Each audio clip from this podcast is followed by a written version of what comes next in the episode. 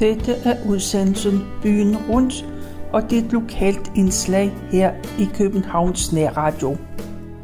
Mit navn det er Tove Christensen, og jeg har været på hjemmesiden dengang.dk, og der har jeg fundet en artikel, der handler om Sar den Store, da han kom til København og rejste hjem igen.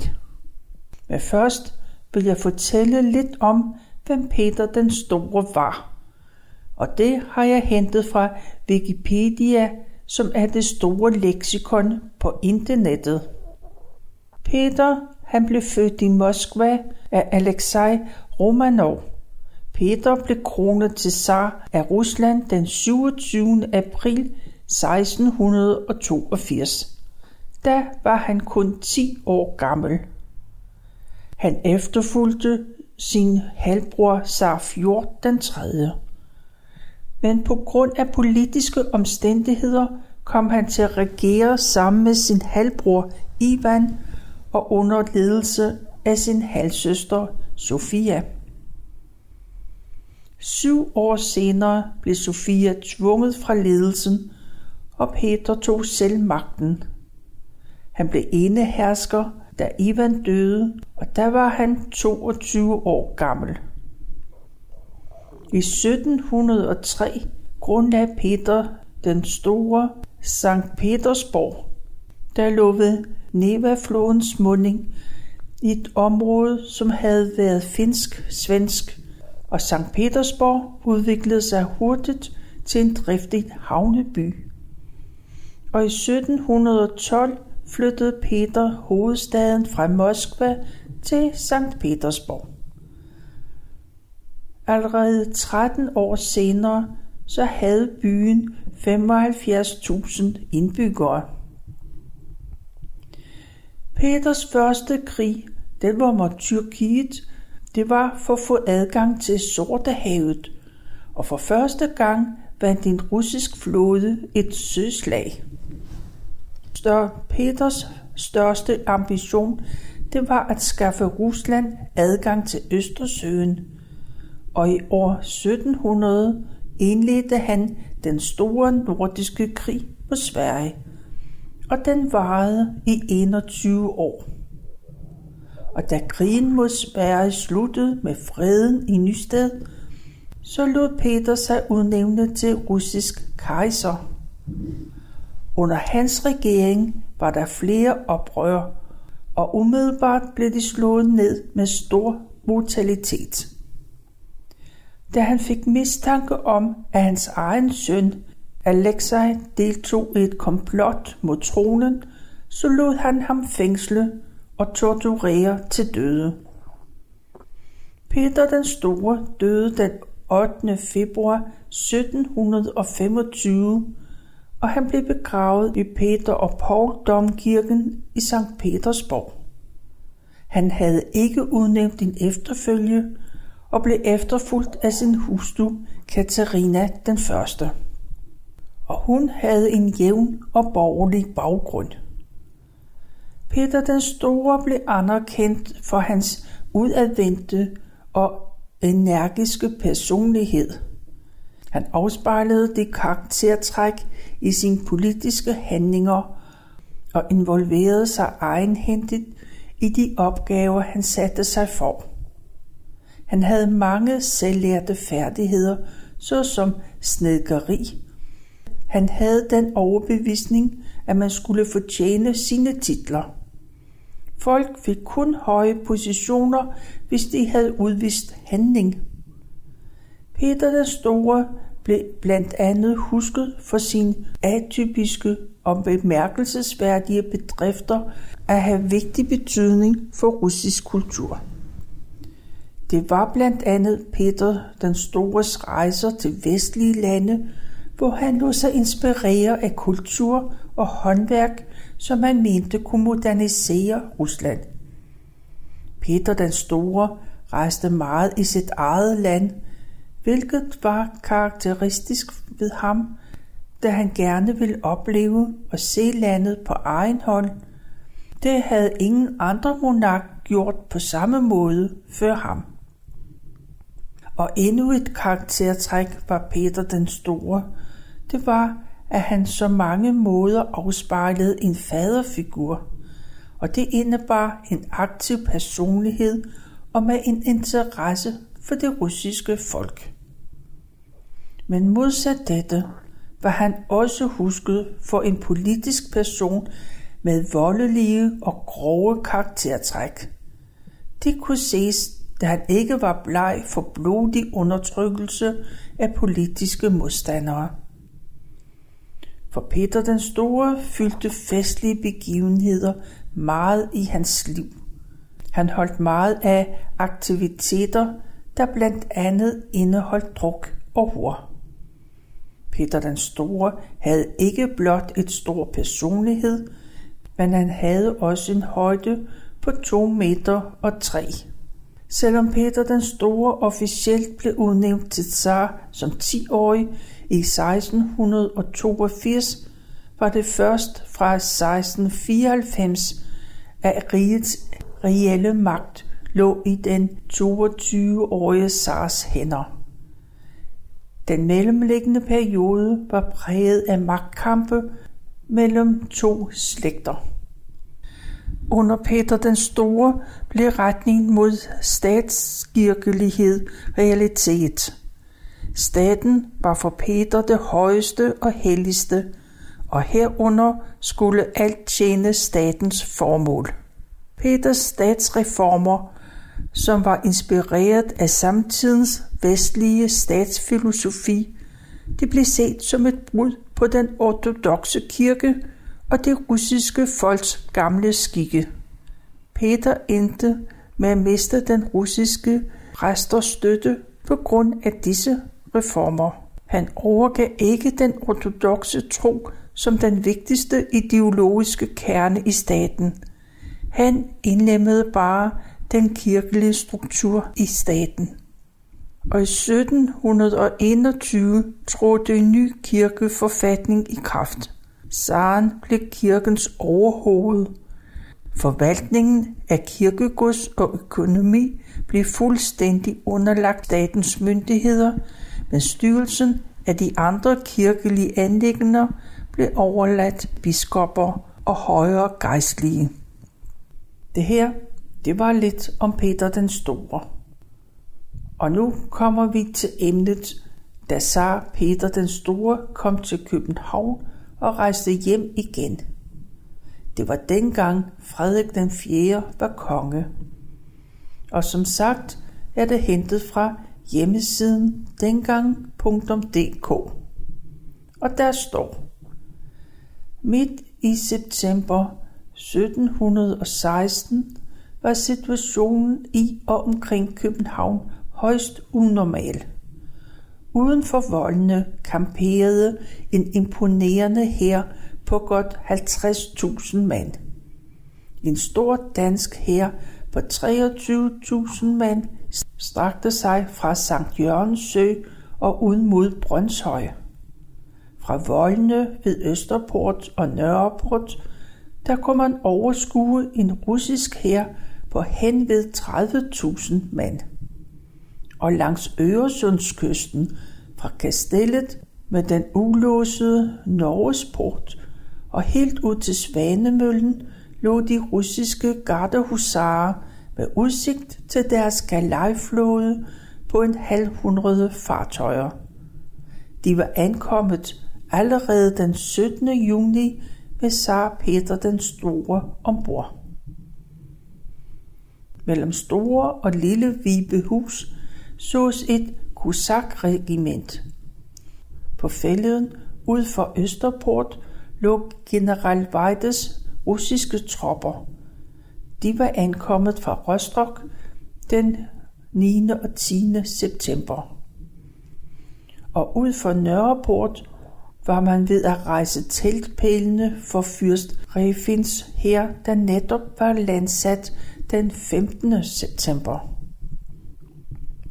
Vagtmandskabet ved Østerport og Nørreport var efterhånden fordoblet, og i de tilstødende bastioner stod artillerister med brændende lunter ved kanonerne, de pegede ud mod de russiske tropper. Overvågenheden var skærpet inde i København. Geværbevæbnede borgere fra særligt alarmpladser de holdt øje med et hvert optræk til urolighed. Og medlemmer af det diplomatiske korps var på tæerne for at følge med i regeringens intense forhandlinger med russiske generaler og ministre. Hvis også byens præster virkede lidt anspændte, så skyldtes det sikkert, at de allerede var begyndt at tænke på deres søndagsprædiken, for de havde fået en kongelig ordre om, at de fra prædikestolen skulle bede for, at Gud vil gøre landgangen på Skåne lykkelig. Størst aktivitet var nok nede ved havnen, hvor der sås en masteskov af transportskibe, og hvor man var travlt beskæftiget med at losse og lasse proviant og foragere, og der var tørv og brænde og spanske ryttere og meget mere. Under tiden kunne disse havnes arbejdere høres fjerne kanonsalutter. En af forudsætningerne var, at landsætningen det skulle lykkes, det var at hele arrangementet det var at skaffe mad og drikke til alle. Købstederne de skulle levere 18.000 tønder rumel, og de hårdt prøvede hertugdømmer de skulle levere 10.000 tønder. Der skulle bruges næsten 9 millioner pund rugbrød, og der skulle skaffes nok til forplejningen af 50.000 mand i 87 dage. Også saltmad, smør, øl, brændevin og tobak skulle der skaffes. Og havnearbejderne havde en 12 timers arbejdsdag for at nå det hele. På det såkaldte Grønland ved Østerport blev der oprettet en helt nyt magasin. Alene fra Nordsjælland kom der på en uge 20.000 læs tørv og 1000 læs brænde.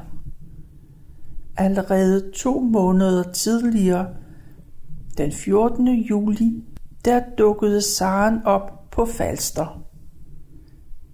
Saren vækkede krofolkene midt om natten i Gæsseby. Tørsten, den skulle stilles.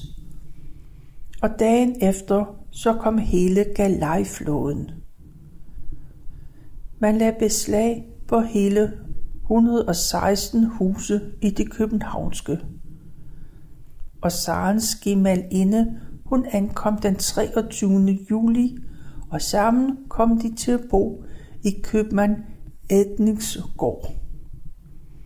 Her forsvandt på mystisk vis laner, dyner og endda natpotter. Kongen sejlede imod Saren, da han ankom til København. Det var en hjertelig modtagelse med omfavnelser og kys.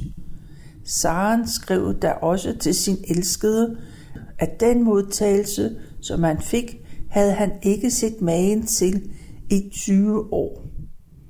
Borgerskabet var der da også alarmeret, så de kunne tage imod Saren. Modsat den danske konge, så gjorde Saren ikke så meget ud af det. Han skulle efter sine have haft en gammel og meget plettet rød kjole af gemint og rødt klæde, gjort som en skipperskjorte med små opslag, der kunne tilknappet helt op til halsen. En ellers ladestrøje med hvide stålknapper og ingen vest. Bukserne var af brunt klæde og gjort til at binde under knæene. På benene havde han et par grå strømper, som ikke var bedre end dem, hvor jøder sælger på torvet. Citat slut. Sarinaen Katarina kom en uge efter. Hun blev fem dage på slottet i Nykøbing, før også hun drog videre med sit følge. Og hun var en forstandig og omgængelig dame. Hun var let at omgås med, og så foretræk hun dans frem for andre fornøjelser. Den 23. juli iførte kongen og dronningen sig det stiveste pus, for sammen med Saren at modtage Sarinaen et godt stykke fra Vesterport. Kongen havde igen alarmeret borgerskabet, og hun blev modtaget med kanonsalutter. Sarinaen var en lille, munter tyksak med rødmussede kinder. Hendes dragt var behængt med masser af ordener, helgenbilleder og relikvier. Der var stor rundvisning i alle kirker, og ved Rundetårn så fandt Sarens savnomspundne rit sted. Saren havde travlt fra tidlig morgen til sent, hvor han gennemgik og inspicerede på Holmen. Kongen havde stillet en karusel, en komedie samt en opera til rådighed. Men det var ikke noget for at imponere Saren. Han var ikke kommet for at slå tiden ihjel. Og den 21. juli beklagede han det danskernes tempo. En dag, da Saren dinerede hos kongen, og man havde drukket lidt for meget for sit eget bedste, så sagde kongen til Saren, Åh, kære bror, jeg ønsker, I også havde en matrice. Saren brød sig ikke om det og svarede, og jeg citerer. Min bror, mine hår koster mig ikke noget, men jeres hår koster tusinder af sølvdaler, som kunne være brugt til meget nyttigere formål. Citat slut. Og denne bemærkning om anne Sofie Reventlow var fremsat på en blanding af tysk og hollandsk. Det må have skurt felt i kongens ører. En gang, da Saren ønskede at drøfte forretninger med den danske konge, så sendte han bud efter ham klokken 8 om morgenen. Og man svarede, at kongen stadigvæk sov. To timer senere sendte Saren igen bud. Nu meldte man, at kongen godt nok var stået op, men man vågede ikke at gå ind i hans gemak. En time senere sendte Saren igen bud og fik det svar, at kongen endnu ikke var påklædt. Saren var lige ved at miste tålmodigheden. Om sider kunne Saren få lov til at aflægge visit, og der var klokken et om eftermiddagen. Saren ville gerne have, at kongen stillede sig til rådighed tidligt om morgenen. Men man blev enige om, at Saren skulle dukke op klokken 6 om eftermiddagen, når han havde noget på hjertet. Der var masser af danske og norske officerer i de russiske flåde, men marinesoldaterne de manglede kamperfaring fra regulære søslag. Den svaghed var Saren opmærksom på. Han håbede snart, at soldaterne ville få den erfaring, når de svenske tropper de skulle angribes. I slutningen af juli tegnede alt endnu lyst. Norge synes reddet en sejr ved Dynekilde den 8. juli af Tordenskjold. Det knep for danskerne at få samlet 18 transportskibe, som de havde forpligtet sig over for Saren ved Altona-konferencen. Gabel var på vej hjem fra Norge, og russiske tropper de skulle også overføres fra Rostock. Saren ville afsted til Sverige omgående, men kongen ville vente på Gabels hjemkomst. Og den 16. august var man samlet ud for København med 16 linjeskibe og 400 kofferdifartøjer, og de lettede anker. Men den danske orlogsflåde, den blev liggende. De danske transportskibe, de var endnu ikke i sigte. Kongens langsomlighed, den skyldes en spareøvelse, og Saren lagde skylden på de store forsinkelser over på danskerne.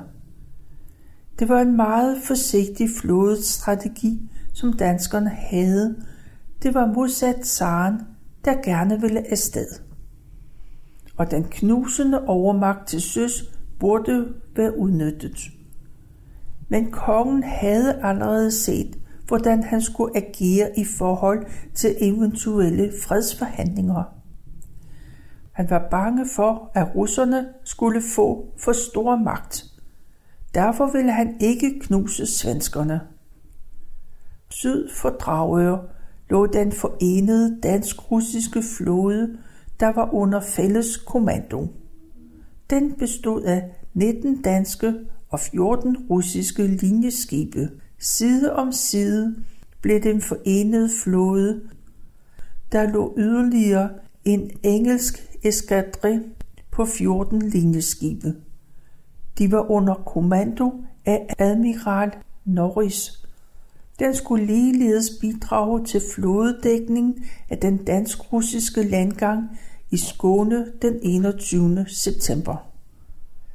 Et var troppeparaden den 9. september. Det gjorde Saren rasende. Kongen var dybt såret over Sarens kritik over for de danske generaler. Og Saren udtalte sin ringeagt over for de danske generaler. Kongen var meget oprørt over det. Og nu var Frederik den 4. også pludselig grebet af panik da der kom endnu flere russiske tropper. Kongen greb til provokerende sikkerhedsforanstaltninger. Det kunne godt nok opfattes som et udtryk for fjendskab. Og den 7. september havde kongen givet ordre på en fordobling af vagtmandskabet ved Østerport og Nørreport. Og general Bauers kavalerregiment kom til Øresund den 8. og 9. september, de blev nægtet landgang på Sjælland og installeret på Ven. De skulle ikke udgøre nogen trussel mod København. Og der blev også posteret vagtskibe, der skulle holde øje med det. Og Gyldenløve fik ordre til at forfølge de skibe, der søgte de sjællandske kyst for at få friske forsyninger. Alt dette kunne Saren godt se, og han opfattede det som mistillid fra kongens side.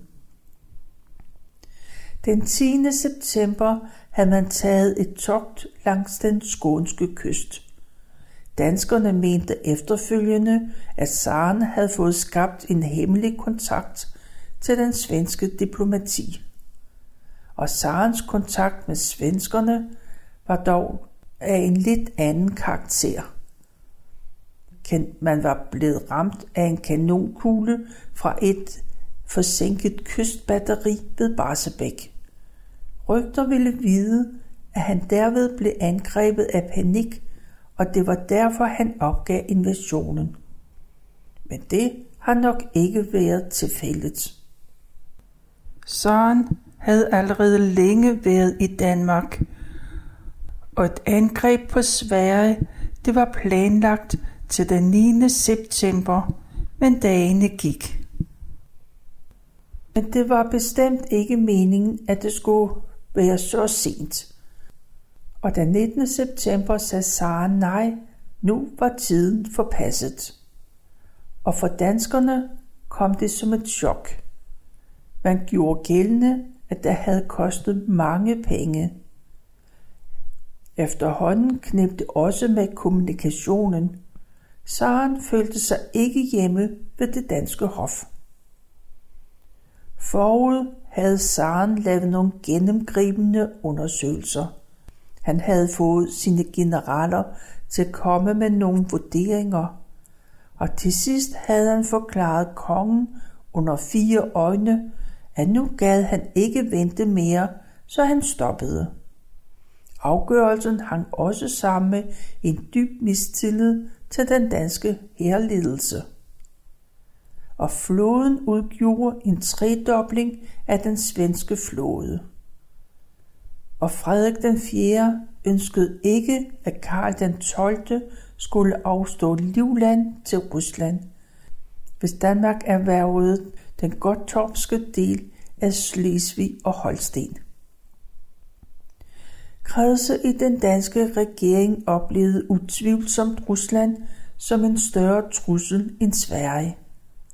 Og som nævnt mente admiral Christensen, Thomsen og Sehested, at Saren pynsede på at ødelægge såvel den danske som den svenske flåde, for så rådede han ene for Østersøen.